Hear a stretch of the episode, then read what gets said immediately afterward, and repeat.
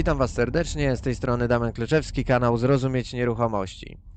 Z racji tego, że robi się coraz cieplej, y, rusza sezon remontowy, więc y, pomyślałem, że warto by było uzbroić Was y, w dodatkową wiedzę, w ciekawe doświadczenia też osób, które remontują, żebyście tutaj mogli poznać znowu jakieś kolejne ciekawe wskazówki, inspiracje w zakresie remontowania, wyposażania mieszkań.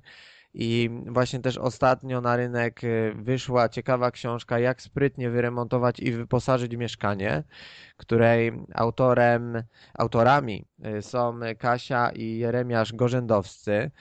Y, I to właśnie z nimi dzisiaj mam okazję rozmawiać o tym właśnie, jak w tej książce, którą napisali, tym poradniku, przedstawili pewne zakresy związane z remontowaniem, e, ale też e, opowiemy sobie o tym, jak cały proces remontu może przebiegać, na co uważać, więc zapraszam Was do wywiadu. Witam Cię, Kasiu, witam Cię, Jeremiasz. Cześć, witamy. Cześć. Powiedzcie, co skłoniło Was do napisania takiej książki?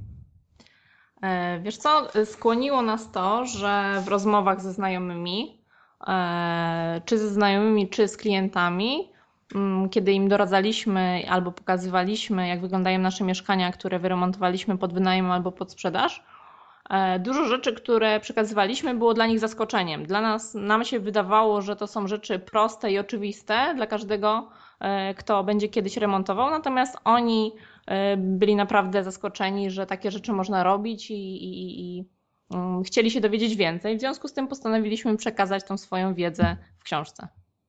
A powiedzcie, ile takich remontów już macie za sobą?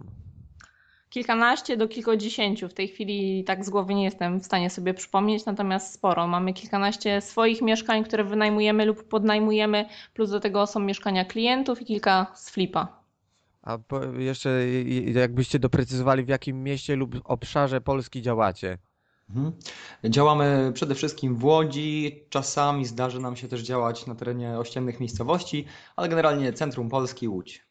Centrum Polski Łódź. No tak, tam też się sporo dzieje, e, a ostatnio w Łodzi sporo inwestycji, nawet e, takich e, ogólnomiejskich. Czy, czy to prawda? Już ta Łódź się podnosi pod kątem takim, że tak powiem, atrakcyjności inwestycyjnej? Tak, zdecydowanie jest coraz lepiej. Mm, teren Śródmieścia jest objęty teraz ustawą rewitalizacyjną, mamy program Miasto Kamienic, także naprawdę Śródmieście się zmienia i w związku z tym coraz lepszy jest ten rynek nieruchomości, coraz lepiej to wszystko wygląda w Łodzi.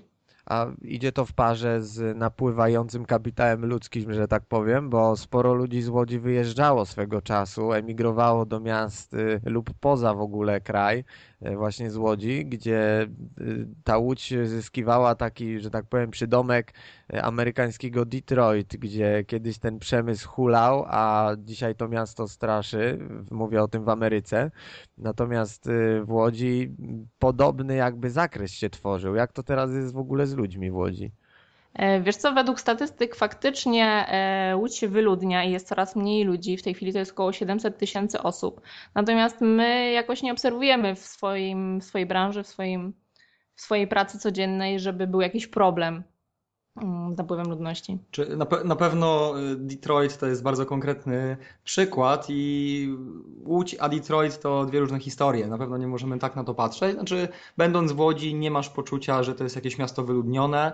Wręcz przeciwnie, mamy coraz więcej osób z zagranicy. E, z tego względu, że Łódź stała się zagłębiem różnych firm outsourcujących usługi. No i mamy kilka centrów, w których pracuje po kilkaset, po kilka tysięcy osób i rzeczywiście widać, że za granicę ludzie do Łodzi przyjeżdżają.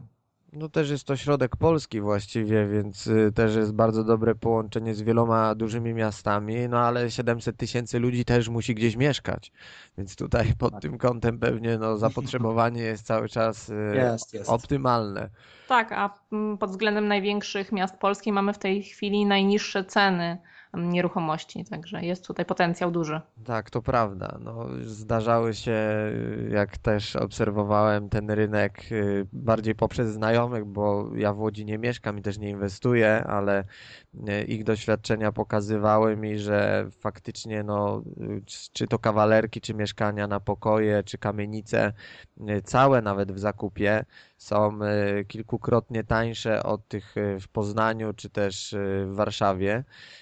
No, nie aż tak może są to widoczne różnice w zależności na jakimś typie budownictwa bazując, ale, ale na pewno ta, ta cena jest proporcjon nieproporcjonalnie niższa, bym tak powiedział. A tak naprawdę nie wiadomo z czego to wynika, bo wśród dużych miast w Polsce, no ta Łódź właśnie jest najtańsza. Mhm. Przy czym ceny najmu wcale nie są najmniejsze, także jeżeli policzyć rentowność, to naprawdę jesteśmy tutaj na ciekawym miejscu, jeżeli chodzi o Łódź. Mhm. No tak, no bo to, to za bardzo od ciebie nie odstaje. Bo to, a ile kosztuje teraz wynajem pokoju w, w Łodzi, takiego jednoosobowego? Mhm. Wiesz co, no oczywiście zależy od standardu, ale między 600 a 800 zł ze wszystkim. To pewnie jest jakaś taka średnia. Z mediami, z internetem, to już jest całkowita opłata. Mhm. No to podobne ceny się uzyskuje w Poznaniu, może kilku, kilka procent wyższe, ale to y, względem ceny zakupu mieszkania to jest na pewno dużo korzystniej kupić takie mieszkanie w Łodzi. A Mhm. pod kątem zakupu kawalerek, jak teraz się kształtują ceny? Yy, Znaczy pytasz o ceny z metra kawalerek na przykład? Y, No, Czy o wynajem? powiedzmy tak ogólnie, jaka średnia cenowa jest y, przy, przy zakupie względem wynajmu. Mhm. Znaczy, tak średnia cena kawalerki to pewnie będzie gdzieś około 3,5 tysiąca złotych z metra, ale to jest taka cena e, w ogłoszeniach. Natomiast spokojnie, nawet poniżej 3000 jesteś w stanie taką kawalerkę kupić. Natomiast wynajem to będzie między 900 a 1300 złotych i to też już jest ze wszystkim. z opłatami. Mhm. No tak, no to faktycznie są to duże różnice już względem innych miast, jak, jak patrzę na chociażby Poznań, gdzie jest trudno kupić kawalerkę w niższej cenie jak nawet 4000 zł, więc tutaj Mhm. na pewno jest, jest to duży atut Łodzi. A wracając teraz do książki, ja ją skończyłem czytać niedawno. Ona nie jest gruba, ma tam sto kilka stron. Y, Jest napisana konkretnie, y, co mi jako osobie, która też już napisała y, poradniki związane z inwestowaniem, jest łatwiej to czytać, bo raz, że czyta się to szybciej, jest to treść zrozumiała w pełni dla inwestora, który już jakieś remonty przeprowadził, y, więc y, no, może to stanowić uzupełnienie wiedzy, bądź też być inspiracją do jakichś tam, czy też wskazówką w jakichś konkretnych zakresach. Natomiast dla osoby, która remont rozpocznie, jest to na pewno dobra baza wyjściowa i, i takie poukładanie tematu od strony też y, takiej stricte merytorycznej. Ale powiedzcie, jaka jest największa trudność w przekazie takiego doświadczenia remontowego na papier poprzez książkę? Bo to jest y, coś, co mm, wy robicie na co dzień, a teraz, y, żeby dać komuś instrukcję obsługi w dokumencie, jakim jest książka, czyli jako papier, jest niezwykle trudne, bo sam się z tym spotykałem przy swoich książkach. Jak, jak tutaj wy do tego podchodzicie?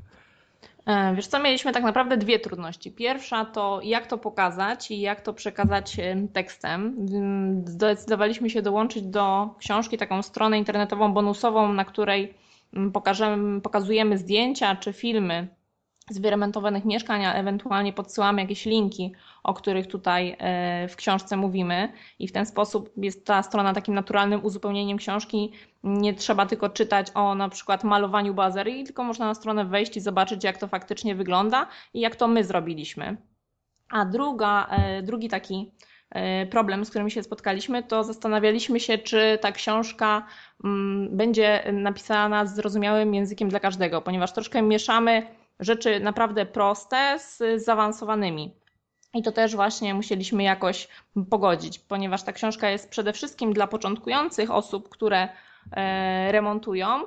E, Natomiast mamy też sygnały od zaawansowanych osób, że znajdują się też tam takie rzeczy, na których oni nie zwracali uwagi i są to dla nich naprawdę wartościowe rzeczy. Mimo, że mają kilka remontów za sobą. No to prawda, bo każdy remont y, wymaga też innego podejścia, innym zakresem może się charakteryzować. Y, Nie każdy robi remont tak samo przecież i, i też y, z różnych doświadczeń wynika, że jedni, mimo że przeprowadzili tych remontów całą masę, mogli popełniać ciągle te same jakieś błędy, których nie zauważają, a mogą skorygować je przez właśnie wskazówki kogoś innego. A właśnie powiedzcie w tym aspekcie, czym tak najczęściej względ, w zakresie remontowym y, różnią się przeprowadzane remonty przez Was w Wielkiej Płycie, w kamienicy, w nowym budownictwie? W ogóle w jakim y, typie budownictwa najczęściej się obracacie? Mhm. E, myślę, że tutaj po połowie w e, starym e, budownictwie, bardzo starym, to znaczy kamienice, oraz tym trochę młodszym, ale nadal starym, czyli wielka płyta, czy też bloki z cegły.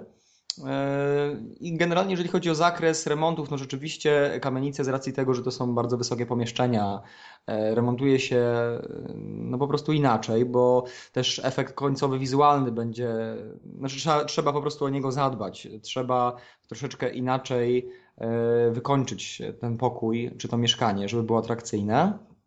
Mm, natomiast jeżeli chodzi o same techniki czy stosowane materiały, to i tutaj, i tutaj e, tak naprawdę stosujemy to samo.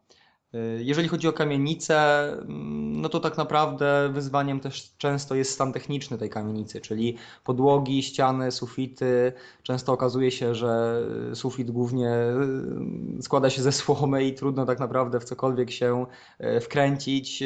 Podłoga gdzieś jest przedziurawiona, legary być może są do wymiany, instalacja elektryczna jest do wymiany, więc kamienice są zdecydowanie bardziej wymagające. A w jaki sposób sprawdzacie stan techniczny mieszkania w kamienicy? Bo y, teraz, kiedy ja też robię kilkanaście remontów naraz y, w kamienicy, to ważne jest ocenienie y, jakości, sta, jakości ścian, które w ogóle są w tym pomieszczeniu, czy one mhm. wymagają na przykład dodatkowego wsparcia w postaci iniekcji, żeby odciąć się od piwnic, jeżeli mieszkania są na parterze tu dla osób, które nie wiedzą, no to iniekcja jest to sposób e, odcinania się od wilgoci. E, bardzo skuteczny i ten płyn, który wprowadzamy w ścianę, krystalizuje się i dzięki niemu mamy duże prawdopodobieństwo, że w przyszłości już nie będziemy się męczyć z jakimś tam grzybem na ścianach. Natomiast y, no, warto jakieś może urządzenia mieć pomiarowe, które wykażą nam, y, czy jest zawilgocenie w ścianach, jakim, w jakim procencie. Co wy konkretnie robicie, oceniając stan mieszkania w kamienicy? Mhm.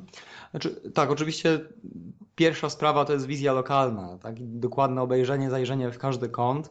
Zawsze prosimy także o, o przeglądy y, roczne, pięcioletnie, gdzie no, też można dowiedzieć się o tym, e, po pierwsze, co wymaga poprawy, ale też no, jeżeli taki przegląd był robiony jakiś czas temu, można zweryfikować ze stanem obecnym i zobaczyć, czy rzeczywiście wspólnota, czy, czy zarządca dba o to, żeby e, przeprowadzać pewne naprawy, które są konieczne.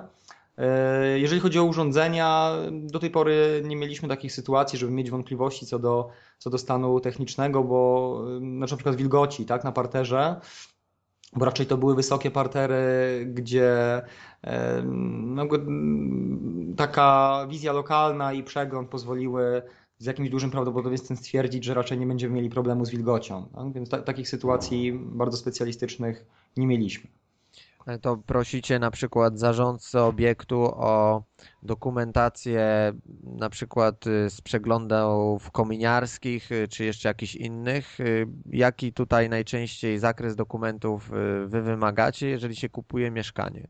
Mhm. Oczywiście przegląd pięcioletni budynku i najlepiej, jeżeli są pozostałe przeglądy roczne także, tą całą dokumentację zazwyczaj kserujemy, przeglądamy. E, jeżeli mamy jakąś wątpliwość, no to też zawsze jest podane, e, kto wykonywał te przeglądy. Można próbować się kontaktować z tą osobą. E, też warto jest y, zapukać do kilku lokatorów i po prostu zapytać, czy coś się dzieje z kamienicą, czy coś się dzieje gdzieś z ich pomieszczeniami, bo to jedno dane mieszkanie może wyglądać w porządku, natomiast może się okazać, że no tak, inni lokatorzy, którzy nie mają interesu w tym, żeby sprzedać na przykład dane mieszkanie, żeby było sprzedane inne mieszkanie, no powiedzą i zasugerują, że coś gdzieś się działo albo dzieje, albo często były zalania bo też y, no jakby te objawy są inne latem, inne zimą, więc też właśnie warto zrobić taki wywiad, wywiad wśród sąsiadów. Mhm. Ale i tak naprawdę najlepszym źródłem informacji jest sam zarządca. Trzeba do niego pójść i porozmawiać. Niech opowie o tym budynku, co było robione, co planują, e, jak są pozostali lokatorzy też nastawieni na remonty, czy chcą właśnie uczestniczyć w funduszu remontowym, jakie to są opłaty, bo to też ma bardzo duże znaczenie, tak? Czy pozostali e, lokatorzy będą chcieli dbać o stan techniczny całego budynku. A jak zaczynaliście y, całą przygodę z remontowaniem, to w jaki sposób uczyliście się szacować remontu? Y, Tak, żeby te koszty wam się nie rozlazły, żeby się nie okazało, że nagle 30% y, budżetu zostało przekroczone, bo czegoś się tam nie wiedziało. Jak u was ewoluowało to, że te szacunki w mieszkaniach z płyty, czy też w kamienicach y, stawały się coraz bardziej dokładne? Bo opisujecie w książce również o takich y, ciekawych rozwiązaniach jak kalkulatory remontowe. Y, Jakbyście też o tym też mogli trochę wspomnieć? Mhm. E, Na samym początku zatrudnialiśmy ekipę budowlaną, która przychodziła i konkretnie nam e, mówiła, e, co trzeba zrobić, jaki to będzie zakres, ile będą, będzie kosztowała robocizna, ile będą kosztowały materiały. No i staraliśmy się w tym budżecie mieścić. Natomiast, tak jak mówisz, te 30% to jest chyba taki standard e, remontowy, ponieważ e, w międzyczasie, mimo że e, byliśmy w budżecie, to się okazywało, że trzeba zrobić jeszcze to, tamto, to o, o czym nie myśleliśmy na samym początku. Także w tej chwili już mamy kilkanaście tych mieszkań za sobą i wiemy mm, potencjalnie, co będziemy chcieli w trakcie dodatkowo zrobić i mm, bierzemy po prostu poprawkę. To razy dwa, mm, 1 i 2, razy 1 i 3 budżet remontu to jest bardzo dobry mm, patent na to, żeby właśnie podsumować, ile będziemy musieli przeznaczyć środków, o ile oczywiście coś nieprzewidzianego się nie pojawi. Natomiast te kalkulatory budowlane, o których y, wspomniałeś, to jest naprawdę fajna sprawa dla początkujących osób, które chciałyby sobie ocenić same, zanim zaproszą fachowców, tak? Bo ludzie często się boją prosić innych o pomoc, no to nie jest problem dla fachowca przyjść, zobaczyć e, i wycenić. Natomiast to też trwa, więc jeżeli ktoś chce zobaczyć sam mniej więcej, jaki będzie zakres remontu potrzebny, to może sobie po prostu na taką stronę wejść, przeklikać opcje, które tam są dostępne, czy to jest remont łazienki, czy pokoju, czy, mm, czy kuchni, i wtedy mniej więcej zobaczy, mm, ile będzie musiał środków przeznaczyć na ten remont. Kasiu, a jakie elementy mieszkań, które są y, do remontu, y, są najdroższe i czego nie warto przesadnie kupować, żeby tutaj nie przepłacić, a nie odbija się to jakoś też na jakości później przy też y, ewentualnej sprzedaży czy też wynajmie? Mhm. Wiesz co, my najczęściej stawiamy na to, żeby porozmawiać z pracownikami marketów budowlanych. Mamy w Łodzi kilka takich marketów budowlanych, z których korzystamy i staramy się jechać tam sami i jeżeli jest coś nowego do kupienia, e, to się po prostu pytamy, co się sprawdzi. Na przykład y, ostatnio z gruntem na ściany. Okazało się, że nie jest, nie ma sensu kupować tego najtańszego. Wydawałoby się, że to jest taka prosta sprawa, że każdy będzie dobry. Natomiast tutaj nam po prostu doświadczeni ludzie powiedzieli, że lepiej kupować taki droższy, pokazali palcem który. Tak samo przy farbach. E, Oni dokładnie wiedzą, co się sprawdza. Czy lepiej jest dopłacić i mieć coś droższego, natomiast bardziej wydajnego. Także warto pytać pracowników. No i tu właśnie moje pytanie jeszcze a propos farb, bo tą kwestię chciałem trochę bardziej rozszerzyć, bo sporo ludzi e, i pewnie i was, i mnie też pyta o to, jaką tam farbą malujesz, jakie się sprawdzają. E, No z różnymi miałem też kontakt, y, żeby porównać przynajmniej i móc coś powiedzieć o jednej czy o drugiej marce bądź danym typie farby. E, I też czy w waszej książce mogą sobie y, osoby przeczytać, y, sięgające do niej, że są specjalne farby na różne powierzchnie, między innymi na y, płytki, które też można przemalować, co jest ciekawą alternatywą do ich skuwania. No i też w ładny sposób ta łazienka się prezentuje. Jakbyście powiedzieli, z jakimi farbami mieliście do czynienia i które z waszej perspektywy takiej remontowej, z waszego doświadczenia są już y, przetestowane na kilku mieszkaniach co najmniej i są trwałe, dobre jakościowo, adekwatnie do pomieszczenia. Mhm. E, Tak, znaczy to jest oczywiście temat bardzo ciekawy, bo zawsze hasło optymalne jest e, ciekawe do zdefiniowania. My na początku kupowaliśmy farby na ścianę, na ściany emulsyjne, jak najtańsze, nawet po 20 kilka złotych za 10 litrów, bo takie promocje też się zdarzały. E, Takie farby oczywiście są mniej wydajne niż farby droższe, no ale jeżeli jest do pomalowania kilkaset metrów kwadratowych, to rzeczywiście można sporo zaoszczędzić.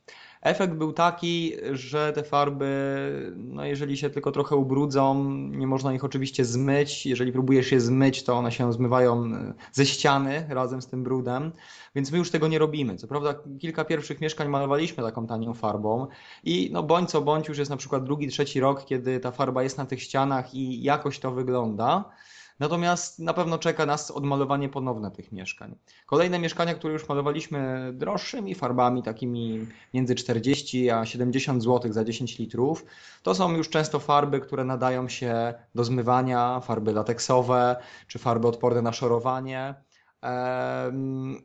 Farby białe są zdecydowanie tańsze i możemy spokojnie dodać do nich pigment. Dzięki temu mamy kolorową farbę w zdecydowanie niższej cenie niż jakbyśmy kupowali farbę kolorową. Tak? Czyli możemy sobie kupić lepszą białą farbę lateksową, odporną na szorowanie i jak największe opakowanie, bo rzeczywiście im większe opakowanie, tym cena za litr farby będzie niższa i możemy dodać sobie pigment, który kosztuje kilka złotych.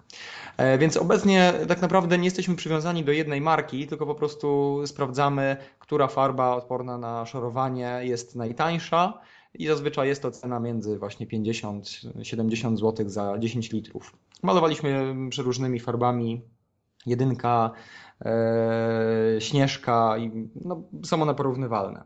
Jeżeli chodzi o e, malowanie też różnych zacieków, to są farby odporne, znaczy farby na plamy tak zwane, które rzeczywiście dość skutecznie e, te plamy e, z wilgoci, które wychodzą przy zwykłych farbach, mm, pokrywają. Natomiast my bardzo często też najpierw takie plamy malujemy po prostu emalią wtalową, czyli na przykład cieszynką.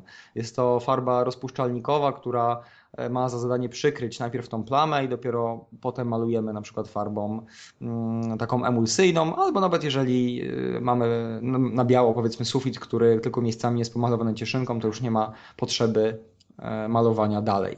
Jeżeli chodzi o rodzaj farb, no to właśnie ta cieszynka, czy też inne emalie wtalowe, to jest po prostu farba do wielu zadań u nas. Malujemy ją właśnie zarówno ściany, zarówno elementy drewniane, jak i metalowe, a także płytki.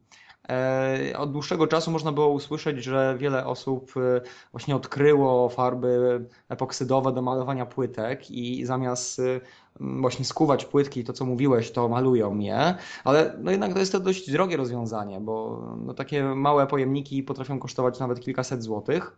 My szukaliśmy tańszego rozwiązania.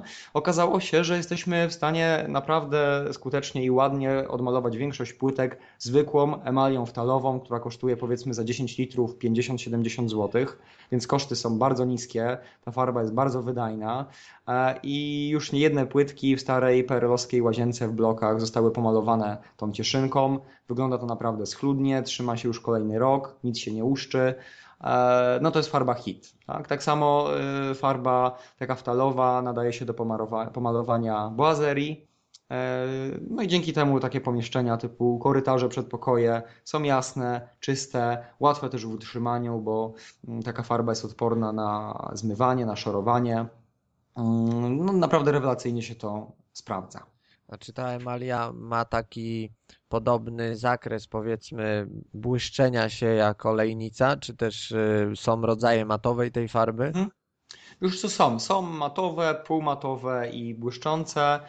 Y, można dobrać y, do własnych potrzeb, jaka to będzie farba w tej chwili. A jeżeli chodzi... końcowy będzie różny. Mhm. A jeżeli chodzi o zakres trwałości, to czy, czy to jest faktycznie podobna trwałość do e, przykładowo Noxanu, czy też e, Noxan jest to farba taka stricte na płytki, mhm. e, natomiast no jest to marka ceniąca się, więc tutaj wiadomo cena jest też odpowiednio wysoka, czy też no jest Noxan znacznie wyższą półką i faktycznie jest trwalszy, mimo że ta cena też jest wysoka.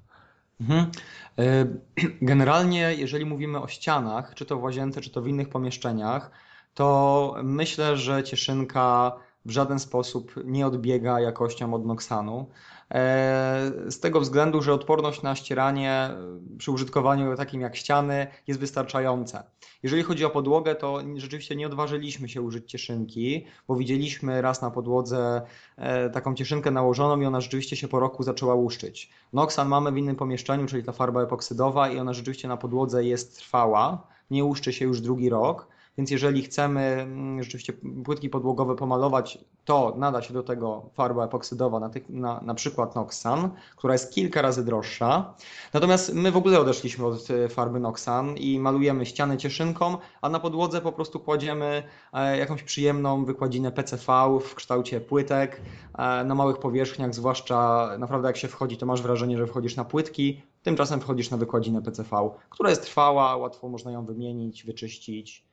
E, a na ścianach jest po prostu cieszynka. Nie ma powodu, żeby stosować Noxana na ścianach według nas. No dokładnie. No najważniejsza jest optymalizacja też y, tych y, różnych preparatów, które stosujemy, bo y, jak widzimy, no jest nieraz ten produkt podobnej trwałości, a cenowo może się znacznie różnić tylko dlatego, że jest to jakaś tam może inna technika wytworzenia go, bądź odpowiednio rozpoznawalna marka.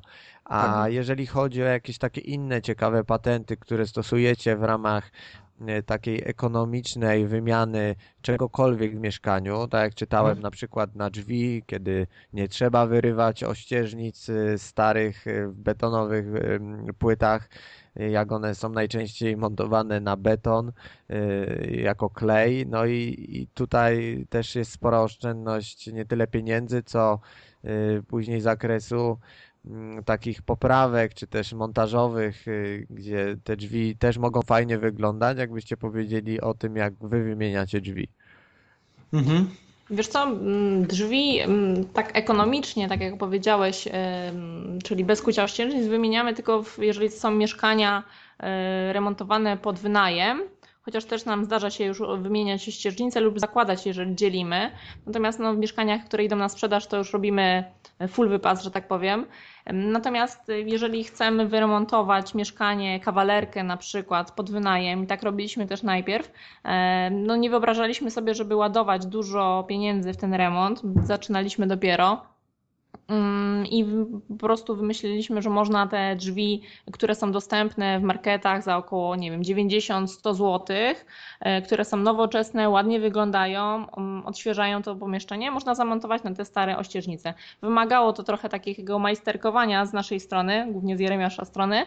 Natomiast y, świetnie to wygląda i nie trzeba było właśnie kuć y, ościeżnic, kuć ścian, potem sprzątać tego. To zdecydowanie skróciło nam czas remontu i obniżyło koszty. I wygląda to naprawdę świetnie. Najemcy są bardzo zadowoleni, mieszkanie wygląda nowocześnie. Ale tylko jeszcze dorzucę kilka takich szczegółów, e, bo jednak trzeba się przekonać o tym, że te drzwi na pewno będą pasowały, bo szkoda byłoby kupić te drzwi, przywieźć do domu i okaże się, że one nie będą pasowały, bo to nie jest tak, że zawsze można dopasować drzwi. Z takiego powodu przede wszystkim, że stare ościeżnice potrafią niestety mieć różną szerokość na różnej wysokości i e, warto zmierzyć co najmniej w trzech, czterech, pięciu punktach, jeżeli chodzi o wysokość, jaka jest szerokość tej ościeżnicy, bo może się okazać, że na przykład na dole i na górze mamy spokojnie e, 80 cm czy 80 kilka centymetrów i drzwi się zmieszczą, ale nagle z jakiegoś powodu na środku ta ościeżnica się zwęża. No i teraz po prostu te drzwi nam się e, nie zmieszczą w tym jednym miejscu. I raz mieliśmy taką sytuację, że przyszły drzwi, mieliśmy w starych ościeżnicach je umieszczać, ale no byliśmy zmuszeni do e, jednak skucia tych ościeżnic, założenia nowych. Znaczy był jeden taki przypadek, kiedy się nie udało, natomiast kilka innych, kiedy rzeczywiście udało nam się z docinką oczywiście tych drzwi od spodu, bo one są wyższe, z dopasowaniem nowych zawiasów, ale założyć na stare ościeżnice. No tu jeszcze może dodam, że y, często takie marketowe serie, jak są wypuszczane w dobrych cenach i ładnie te drzwi się prezentują, na przykład są w jasnej kolorystyce, one najczęściej szybko schodzą z regałów, y, to jeżeli macie zamiar zrobić y, wkładki patentowe, czyli trzeba też wymienić zamki w takich drzwiach, to warto to dobrać od razu w markecie, bo jeżeli się okaże, że drzwi są nietypowe i ten zamek jest dostosowany przez producenta drzwi y, na taki zwykły klucz, a wy chcecie zrobić wkładkę patentową, no to później może być problem, że tam 1 czy 2 mm ten zamek, y, który będzie miał y, otwór patentowy, nie będzie pasował.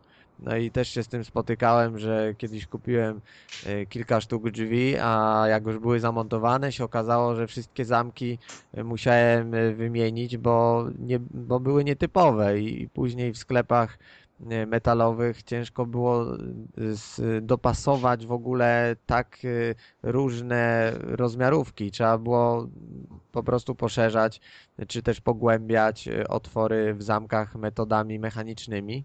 E, Więc przestrzegam, żeby sobie nie narobić dodatkowego kłopotu, no to najlepiej cały osprzęt z drzwiami, klamką, zamkiem, patentem czy gałko-klamką, jakkolwiek kupić w jednym markecie, dopasować to i na jednej dostawie dostarczyć do mieszkania.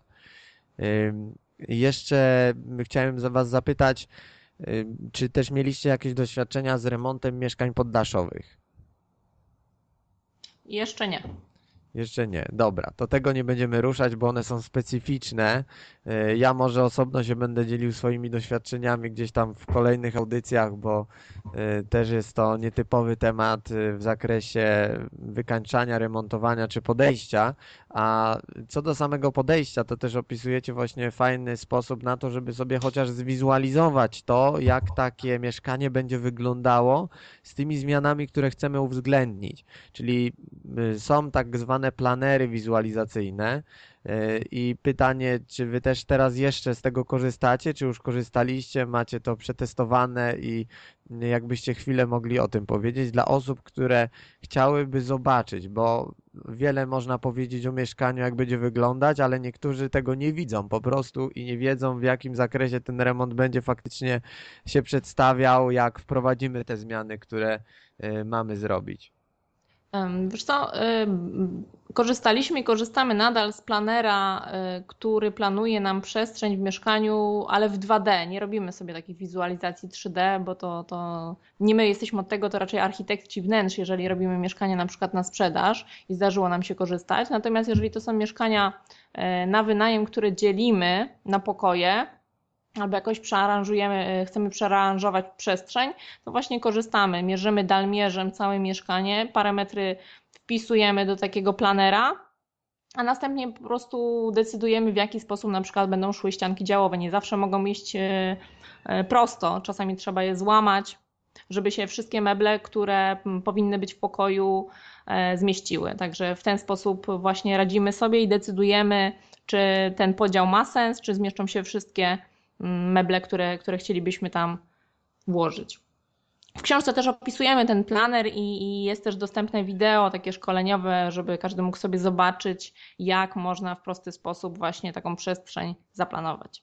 No właśnie, zachęcam Was do zapoznania się z samą stroną. O niej będziemy mówić na samym końcu, żeby łatwiej było zapamiętać. Ja jeszcze ją dodatkowo zamieszczę w komentarzu pod audycją, żeby wiedzieć, gdzie sięgnąć i sobie i poczytać, y, gdzie książkę można kupić, jak i też y, jaki materiał bonusowy czeka na każdą osobę, która y, tam zajrzy.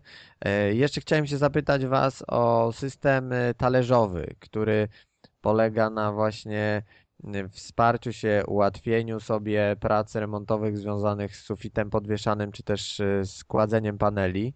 Y, Jak, wy, jakie wy macie doświadczenie z tym systemem? Jak, opiszcie może na czym on polega dla osób, które słuchają nas, a nie wiedziałyby, co się z czym je w tym zakresie. Mhm. Y, Tak, jeżeli chodzi o system talerzowy, to mm, wykorzystaliśmy go rzeczywiście w jednej, y, w jednym z mieszkań remontowanych w kamienicy. To było mieszkanie, mm, które, mm, jeżeli chodzi o podłogę, no ta podłoga była no, bardzo nierówna, poziomy były niezachowane, oczywiście przy ścianach było wyżej, na środku było dużo niżej. To mieszkanie miało iść na sprzedaż, więc y, wiedzieliśmy, że no, podłoga musi być po prostu idealna, tak? Ktoś chodząc po tym mieszkaniu musiał mieć poczucie, że jest stabilna, równa, zwłaszcza, że to było mieszkanie, e, no powiedzmy takie troszeczkę z, z wyższej półki. E, I zdecydowaliśmy się, żeby nie robić ciężkich e, wylewek, które też e, no, trzeba czekać, aż e, będą gotowe do użycia. I obciążają E, stronę. tak, i obciążają. E, sko- Skorzystaliśmy właśnie z systemu talerzowego, czyli e, my to tak nazywamy, nazywamy roboczo grzybki, bo tak troszeczkę wygląda. Czyli jest czpień, który wkręcamy e, w belki, a na górze czpienia jest właśnie taki talerzyk, grzybek. I musimy sobie wyobrazić, że w podłogę wkręcamy dostatecznie dużą ilość takich grzybków, takich talerzyków. Um, oczywiście one będą w zależności od miejsca wkręcone albo bardziej, albo mniej, tak żeby wszystkie były na jednym poziomie, czyli poziomica, niwelator będzie tutaj bardzo potrzebny nam do tego. I na tą powierzchnię stworzoną z tych talerzy, z tych grzybków kładziemy płytę MFD albo OSB, e, czy też nawet dwie warstwy płyty, tak żeby usztywnić tą podłogę. Przykręcamy do tych grzybków. No i dzięki temu mamy naprawdę w dzień czy dwa e, na kilkudziesięciu, metrów kwadrat, kilkudziesięciu metrach kwadratowych stworzoną stabilną e, podłogę. Też można pod tą podłogą puścić jakieś instalacje dodatkowe, jeżeli chcemy, które są nieistotne, typu instalacja telewizyjna czy internetowa. Też ten system jest o tyle ciekawy, że nadaje się do robienia ścian czy też sufitów. To znaczy możemy po prostu te talerze wkręcić zarówno w ścianę, jak i sufit. My tak bardziej testowo zrobiliśmy też sufit podwieszany właśnie z tego systemu talerzowego. Mm, natomiast no, to były bardzo duże pomieszczenia, 20-30 metrów kwadratowych i wyszło nam, że jednak jak do podłogi było to rewelacyjne rozwiązanie, tak na sufit, jednak drugi raz zdecydowalibyśmy się na tradycyjny sufit podwieszany, bo kręcenie profilów jednak poszłoby po prostu szybciej i taniej. Natomiast mm, rzeczywiście no, sama, sam sposób jest ciekawy, jest to alternatywa do mm, tradycyjnych stelaży. Na pewno w miejscach, gdzie pomieszczenia są małe i nie za bardzo na przykład chcemy do ściany przykręcać profil, no to taki system talerzowy będzie idealny, bo tylko przykręcając się do sufitu możemy dowolnie podwiesić sufit e, na różnych wysokościach. To ja tylko jeszcze podrzucę, że ten mm, system talerzowy odkryliśmy niedawno na targach budowlanych w Łodzi.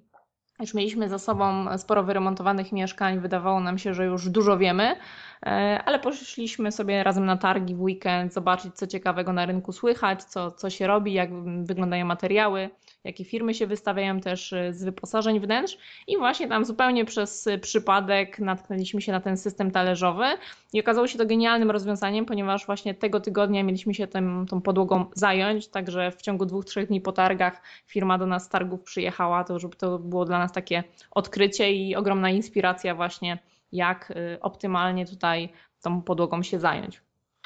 No właśnie i tu zachęcam też wszystkich y, do tego, żeby na takie targi się wybierali, bo jest sporo nowinek technicznych czy różnych technik, które ułatwiają remontowanie, a one ewoluują w czasie bardzo mocno i niektóre rzeczy, które na zachodzie są jakąś tam techniką, powiedzmy, która już tam y, raczkuje bądź już jest, ktoś przemyci do Polski, pokaże i nagle jest eureka, że y, znacznie skracamy sobie czas remontowania jakiejś tam przestrzeni bądź konkretnych elementów, tylko dlatego, że zastosowaliśmy jakieś inne rozwiązanie niż to, które tradycyjnie się stosuje, więc fajnie, że możecie podsunąć też e, takie mm, systemy, czy też, że sprawdzacie w ogóle e, to na własnej skórze, na własnych mieszkaniach, gdzie czy to działa, czy nie działa, jak, jak to w ogóle w praktyce się robi.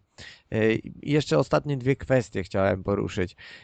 Taka ogólna strategia na to, jeżeli ktoś by Was zapytał, słuchajcie, jak najszybciej zrobić remont, jak mam mało pieniędzy, mało czasu, a chcę duży efekt. Mhm. E, wiesz co, no my, my byśmy się zastanowili, jaki jest cel tego remontu, czy to jest sprzedaż, czy to jest wynajem, bo to są dwie różne rzeczy. No i trzeba też to zobaczyć rynkowo, jak wyglądają nieruchomości podobne, e, czy to na wynajem, czy to na sprzedaż i postarać się dostosować do tego, co jest. Jeżeli chodzi na przykład o wynajem i, i o budżetowy taki remont, do 1000 zł zdarzyło nam się zrobić kawalerki, E, to na przykład właśnie można pomalować płytki. Jeżeli są stare, brzydkie płytki, które, które młodym ludziom już się nie podobają, e, to naprawdę warto je pomalować. To nie jest duży koszt. E, kilka godzin pracy i mamy zrobione nawet kilka, kilkadziesiąt minut.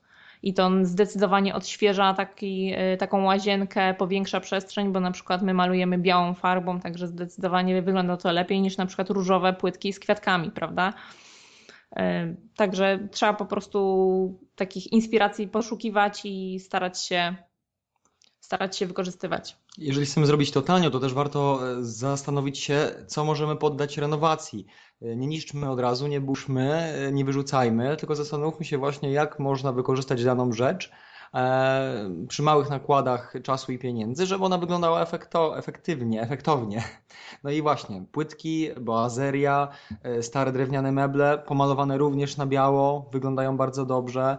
E, a może po prostu zmiana lampy, która oświetla pokój sprawi, że e, ten pokój będzie wyglądał zupełnie inaczej. Mm, przede wszystkim możemy też pracować nie tyle remontem, co dodatkami, czyli ładnymi e, zasłonami, ładnymi firankami, jakimiś drobnymi dodatkami. Musimy też się zastanowić, czy Mm, na przykład y, nie należy odmeblować tego mieszkania, bo bardzo często mieszkania są, brzydko mówiąc, zawalone meblami, dodatkami, bibliotami, ozdobami. Zbiorowisko takich różnych y, rzeczy, które ktoś miał kiedyś gdzieś w domu na działce i wszystko wrzucają do mieszkania na wynajem. Niestety wygląda to fatalnie. Wystarczy wtedy takie meble, e, jeżeli są brzydkie i stare, albo wyrzucić, albo pomalować, żeby to po prostu jakoś było spójne. Natomiast ja jeszcze dorzucę o odnawianiu szafek kuchennych. Zdarzyło nam się robić ostatnio, pomagaliśmy klientowi który właśnie budżetowo chciał odświeżyć mieszkanie dwupokojowe na wynajem e, i koszt wyposażenia kuchni w nowe meble był bardzo wysoki, ponieważ była to dość spora kuchnia. Nie chcieliśmy ludziom zabierać też przestrzeni do przechowywania i przestrzeni blatowej i zdecydowaliśmy się odmalować fronty, zmienić gałki i zmienić blat. I powiem Ci, że efekt był rewelacyjny. Naprawdę ta kuchnia zyskała nowy wygląd, a klient miał za kilkaset złotych odświeżone mieszkanie i najemca się znalazł tak naprawdę od razu. Także nie trzeba było tych kilku tysięcy wydawać na, na kuchnię, wystarczyło ją odświeżyć. Tak, no to prawda. To są takie ciekawe właśnie y, metody, szczególnie stosowane w homestagingu, gdzie y, ktoś bardzo szybko jakiś efekt chce osiągnąć, a wystarczy zmienić kolorystykę y, tego, co jest i już to mieszkanie inaczej wygląda, a przede wszystkim często usunąć nadmiar rzeczy. I, I, to jest klucz do tego, żeby już ta przestrzeń była większa. No i ostatnia kwestia, jak robić zakupy w marketach? To znaczy, jaka jest Wasza strategia podchodzenia do każdego remontu? Jakie pytania używacie dla osiągania zniżek w marketach? Co działa, co nie działa? Jakbyście się podzielili swoim doświadczeniem w zakresie takich właśnie planowania zakupów i, i tak w skrócie, gdzie te zakupy najlepiej robić z Waszego doświadczenia? E, tak żeby tutaj e, słuchacze mogli też odnieść to na swoje rynki, bo wiele sklepów będzie się, szczególnie tych sieciowych, e, powielać, szczególnie w dużych sklepach, w dużych miastach. Mhm, zgadza się. Nie mamy jednak ulubionego jednego sklepu, w którym tylko się zaopatrujemy. Robimy zakupy w różnych miejscach. To wszystko zależy od tego, jakie są dostępne promocje, w którym miejscu remontujemy mieszkanie, bo często też czas tego dowozu jest ważny. Natomiast ja polecam założenie sobie różnych kart rabatowych, lojalnościowych w tych marketach. Wiem, że nie wszyscy to lubią, bo to jednak trzeba nosić w portfelu i tak dalej, ale warto, ponieważ zupełnie na takiego klienta inaczej się patrzy. A jeżeli w ogóle założymy sobie firmowe takie karty, na przykład Bricoman ma program VIP, to już w ogóle ma się zupełnie inne przywileje. Taki klient jest traktowany zupełnie inaczej, tylko za to właśnie, że, że taka, taką kartę posiada. Mm, zdarzyło nam się na przykład w niedzielę wieczorem zdecydować się na wymianę okien w jednym mieszkaniu i następnego dnia e, około godziny 8-9 te okna już były w tym mieszkaniu, tak? ponieważ mieliśmy priorytetowy transport, e, dedykowanego pracownika do, do obsługi e, naszego zamówienia i po prostu tym z samego rana się market zajął. Także no, klient indywidualny nie ma takich możliwości, dlatego warto dbać o te relacje z tymi marketami. Natomiast jeżeli jeździmy do, sami zdarza nam się pojechać do marketu, chociaż coraz częściej robimy zakupy telefonicznie i po prostu mamy już konkretnych pracowników w marketach, którzy nam te mm, zamówienie składają i potem wysyłają do mieszkania. E, ale jeżeli jeździmy, to po prostu pytamy, szczególnie na początku tak robiliśmy, pytamy w jakiej najlepszej cenie możemy daną rzecz otrzymać ponieważ bardzo często się okazuje, że pracownicy mają informacje o tym, że na przykład te drzwi, mówię, że drzwi mogą kilkaset złotych kosztować, e, mogą być te tańsze, wtedy szybciej schodzą.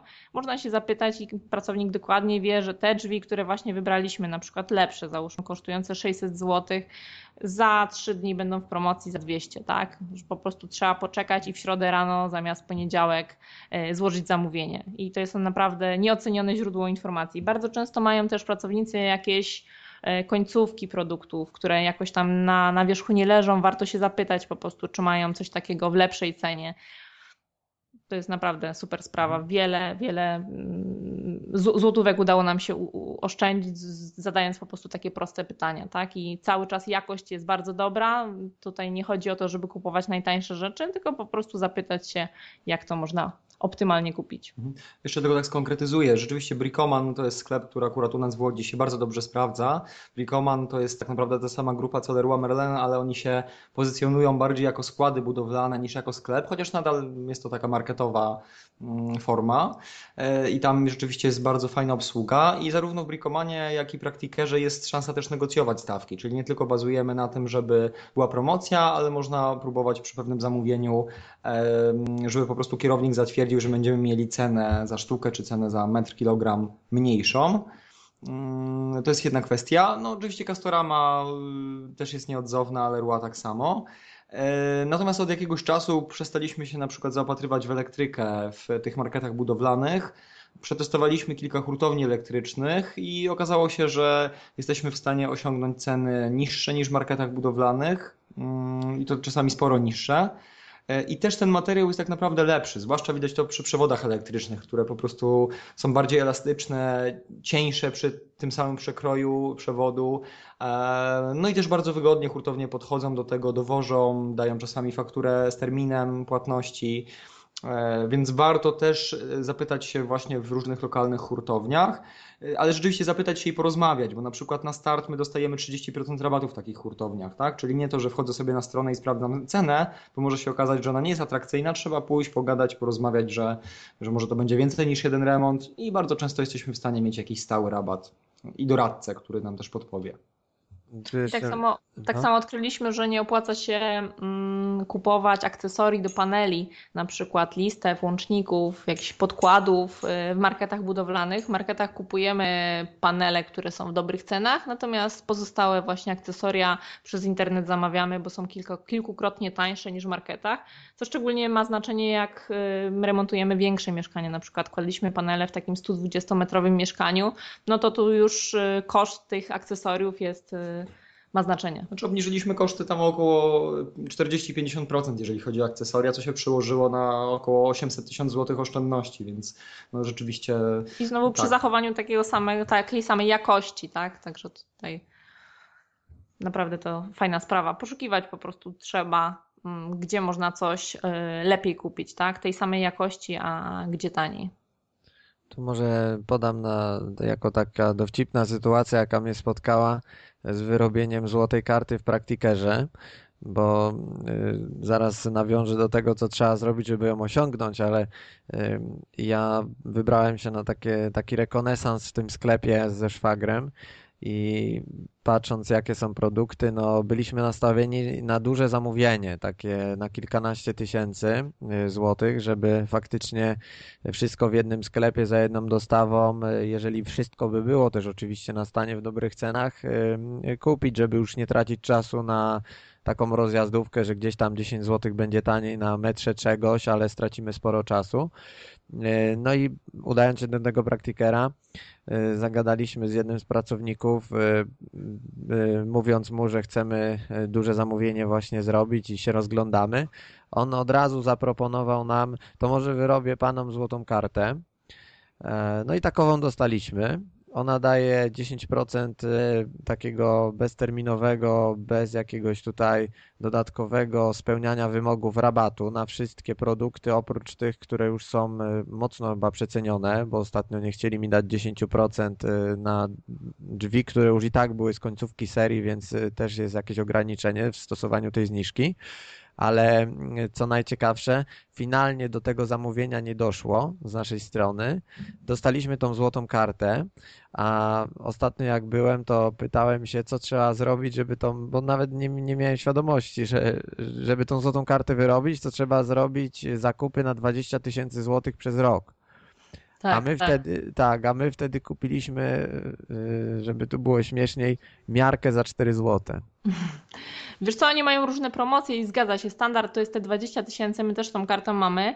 Natomiast y, był taki okres, chyba przez pół roku albo rok, oni mieli promocję, że jeżeli kupiłeś mieszkanie to wystarczyło przynieść akt notarialny jako dowód własności, że w tym okresie kupiłeś mieszkanie i po prostu pani patrzyła na datę, aha, kupił pan mieszkanie i dawali ci kartę, tak? I też właśnie wtedy kupiliśmy mieszkanie, e, kawalerkę na wynajem, więc tą taką kartę złotą otrzymaliśmy i faktycznie nie dosyć, że w praktykerze w Łodzi same ceny na przykład y, e, potem profili czy, czy płyt karton gipsowych były dobre, to jeszcze do tego mieliśmy 10%, także naprawdę super sprawa, warto, warto o to dbać. W pozostałych marketach są różne karty, na których można zbierać punkty. Nie są to jakieś szałowe kwoty, ale ja uważam, że warto o tym e, o to, o to zadbać, bo to nas nic nie kosztuje, tylko te 5 minut na założenie, a potem się okazuje, że po dwóch, trzech remontach, nie wiem, jest na przykład na karcie 500 zł, tak? Jakieś dodatkowe narzędzia można sobie kupić albo obniżyć koszty zakupów. Także warto o tym pamiętać. Jeszcze Damian, do Twojej historii chcę się odnieść. Myślę, że jest bardzo fajna i bardzo, bardzo ucząca też, że tak naprawdę pracownicy bardzo często mogą bardzo dużo i warto rozmawiać, bo właśnie możemy czasami e, jakby dostać coś, co teoretycznie nie powinniśmy byli dostać, e, dlatego że właśnie z kimś porozmawialiśmy, w jakąś relację weszliśmy. No i bardzo fajny przykład. No, złota karta za 4 złote rzeczywiście No ale to Super też sprawa. y, warto wykorzystywać fachową wiedzę i doświadczenie tych osób, bo często ci pracownicy przychodzą na co dzień y, remonty, mają dobre doświadczenie z różnymi materiałami i to oni stanowią dla nas też y, cenne źródło wiedzy. Nie ze wszystkim y, też y, eksperymentowałem ja czy inne osoby, które inwestują, a taki pracownik podpowie nam nieraz ciekawe rozwiązania, którego byśmy nie brali w ogóle pod uwagę, więc udając się do takiego marketu, y, warto, tak jak wy też wspominacie w książce, pytać, pytać i pytać. Tak, no tacy pracownicy mają też y, informacje od pozostałych klientów, tak, którzy gdzieś tam wracają i mówią, co się sprawdziło, co się nie sprawdziło, także naprawdę warto. Y, Tu szczególnie takie pytanie y, odnośnie y, szczególnie brodzików. Y, Warto zadawać to pytanie przy zakupie całej kabiny y, w komplecie z brodzikiem bądź samego brodziku, ile jest zwrotów na ten brodzik. Jeżeli ten pracownik tam jest uczciwy, że tak powiem, w odpowiedzi, no to powie, że no są zwroty bądź ich nie ma, y, a to ma duże znaczenie, no bo często robią te markety dobrą promocję na kabinę za 400-500 zł, a się okazuje, że nie sama kabina jest wadliwa, y, co sam brodzik pęka i, i to właśnie na brodzik są zwroty, a brodzik jest niestety y, często na poziomie cenowym co najmniej 200, 300 bądź więcej złotych. No i, i no, jeżeli on jest wadliwy, a w trakcie najmu nam taki brodzik pójdzie, no to niestety czeka nas y, dużo, dużo grubszy temat niż przy wymianie profilu czy też kółeczek od kabiny, y, które są dużo łatwiejsze w, y, wymianie. Ale ty mi przypomniałeś jeszcze jedną rzecz. Mówimy, jeżeli jesteśmy w takim markecie, że to mieszkanie jest na przykład remontowane, czy ta kabina jest kupowana dla studentów, którzy tam będą mieszkać i pytamy, jaka jest wytrzymałość i nieraz się zdarzyło, że właśnie pracownik odradził jakieś tam rozwiązanie tańsze, a za 200 zł więcej było coś co potencjalnie wyglądało gorzej, ale było trwalsze. Na przykład kabina z hydromasażem była w promocji, była świetna, wydawało nam się tam przeceniona z nie wiadomo ile, z 2000 zł na, na 800. Wydawało nam się, że to będzie super okazja, e, plus bonus tak, dla, dla studentów. Fajnie to wygląda, taka kabina z hydromasażem, a tu się okazało, że jednak takie kabiny nie do końca się sprawdzają, także po prostu inną wzięliśmy. No tu warto powiedzieć, dlaczego się nie sprawdzają kabiny z hydromasażem, bo według mnie, y, może coś tam jeszcze dopowiesz, y, no to przede wszystkim y, kamień robi swoje i te zaworki, to wszystko szlak trafia po jakimś czasie, zapychają się te otwory, z nich leci, jeżeli gdzieś tam już ten kamień, te wapienie zrobią swoje od wody, która w wielu miastach jest twarda, no to niestety to coraz mniej estetycznie wygląda. To stwarza pozory ekskluzywności, jeżeli jest nowe, ładnie zainstalowane. Natomiast po czasie takiego mieszkania na wynajem może się okazać, że jest więcej z tym kłopotu niż pożytku. Tak. Zgadzam się, tak, zdecydowanie tak. Yy, Kasiu, Jeremiasz, yy, także ja Wam dziękuję za ten wywiad. Jeszcze jakbyście tutaj mogli powiedzieć, gdzie Waszą książkę można kupić, jaki jest bonus dla czytelnika w takim naszym porozumieniu, jaki kod należy gdzie tam wpisać, żeby otrzymać coś taniej, więc jakbyście tutaj mogli coś jeszcze powiedzieć. Tak, zapraszamy na stronę sprytneremontowanie.pl www.sprytneremontowanie.pl i tam możecie kupić książkę albo w wersji drukowanej, albo e-booka. Mm, Natomiast z kodem Damiana, Damian, jaki kod ustaliliśmy? Zrozumieć nieruchomości, tak? Dobrze pamiętam? Tak, razem pisane bez polskich znaków. Tak, zrozumieć nieruchomości e, jest e, rabat minus 15% dla słuchaczy. Także możecie korzystać. Y, Myślę, że warto, bo z mojego doświadczenia takiego remontowego, inwestycyjnego, y, no tak naprawdę na tą chwilę to jest jedyna chyba książka na rynku, która w dość szerokim spektrum, jak i też y, w najbardziej aktualnej formie przedstawi Wam te zakresy remontowania, które są najbardziej istotne i które wymagają jakiegoś wsparcia, nawet takiego teoretyczno-praktycznego, y, żebyście później na swoją praktykę mogli to y, wdrożyć i, i ta książka na pewno jest takim instruktarzem. Nie jest taka y, oparta na, wyłącznie na jakichś opisach, treściach, które mogą y, y, słabo się dać y, wdrożyć w praktykę. Także jak ja byłem ją w stanie przeczytać w kilka godzin miłego popołudnia gdzieś na wyjeździe, to tyle właśnie trzeba poświęcić, żeby zaoszczędzić sobie grube pieniądze nieraz w całym remoncie. No i z tego względu rekomenduję Wam przede wszystkim zapoznanie się z tą pozycją. Jeżeli chodzi o no właśnie, coś jeszcze, czy czegoś nie, pamiętam, czy coś zapomniałem?